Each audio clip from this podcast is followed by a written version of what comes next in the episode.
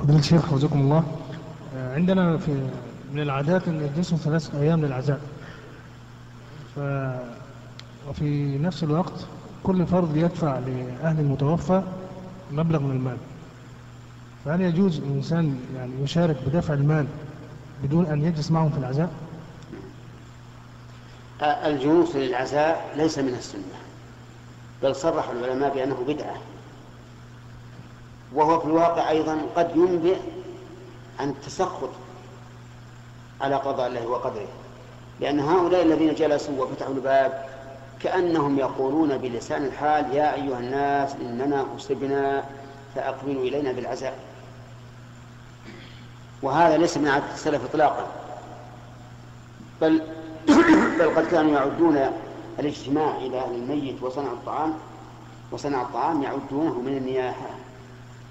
لهذا يجب على طلبة العلم أن يبينوا الناس أن هذا لا يجوز وربما يتعلق بهذا الحفل أيضا ربما يتعلق به أشياء أخرى كترك الصلاة مع الجماعة وما أشبه ذلك.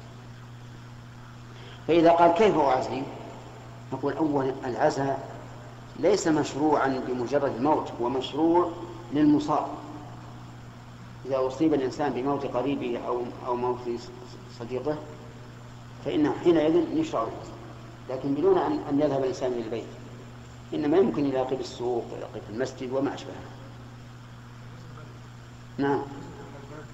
دفع المال لما دفع المال لا يحل أن يدفع من التركة.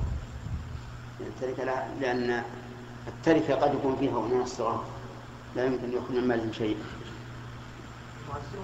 أما إذا كان إذا كان من غير الورثة وتبرع به أحد فهذا نقول إنه تبرع للإعانة على بدعة. ومن أعان على بدعة صار من جملة المبتدعين الذين يأثمون ببدعتهم. الشيخ أحسن الله إليك. إضافة لكلام الأخ. ما هو؟ إضافة لكلام الأخ سؤال الأخ. هنالك بعض لكن ترى احسبوا من حسابك طيب خير إن شاء الله. شيخ سبق لنا في لقاء يعني سابق. أن تكلمنا عن موضوع التعازي تقديم التعازي لأهل الميت.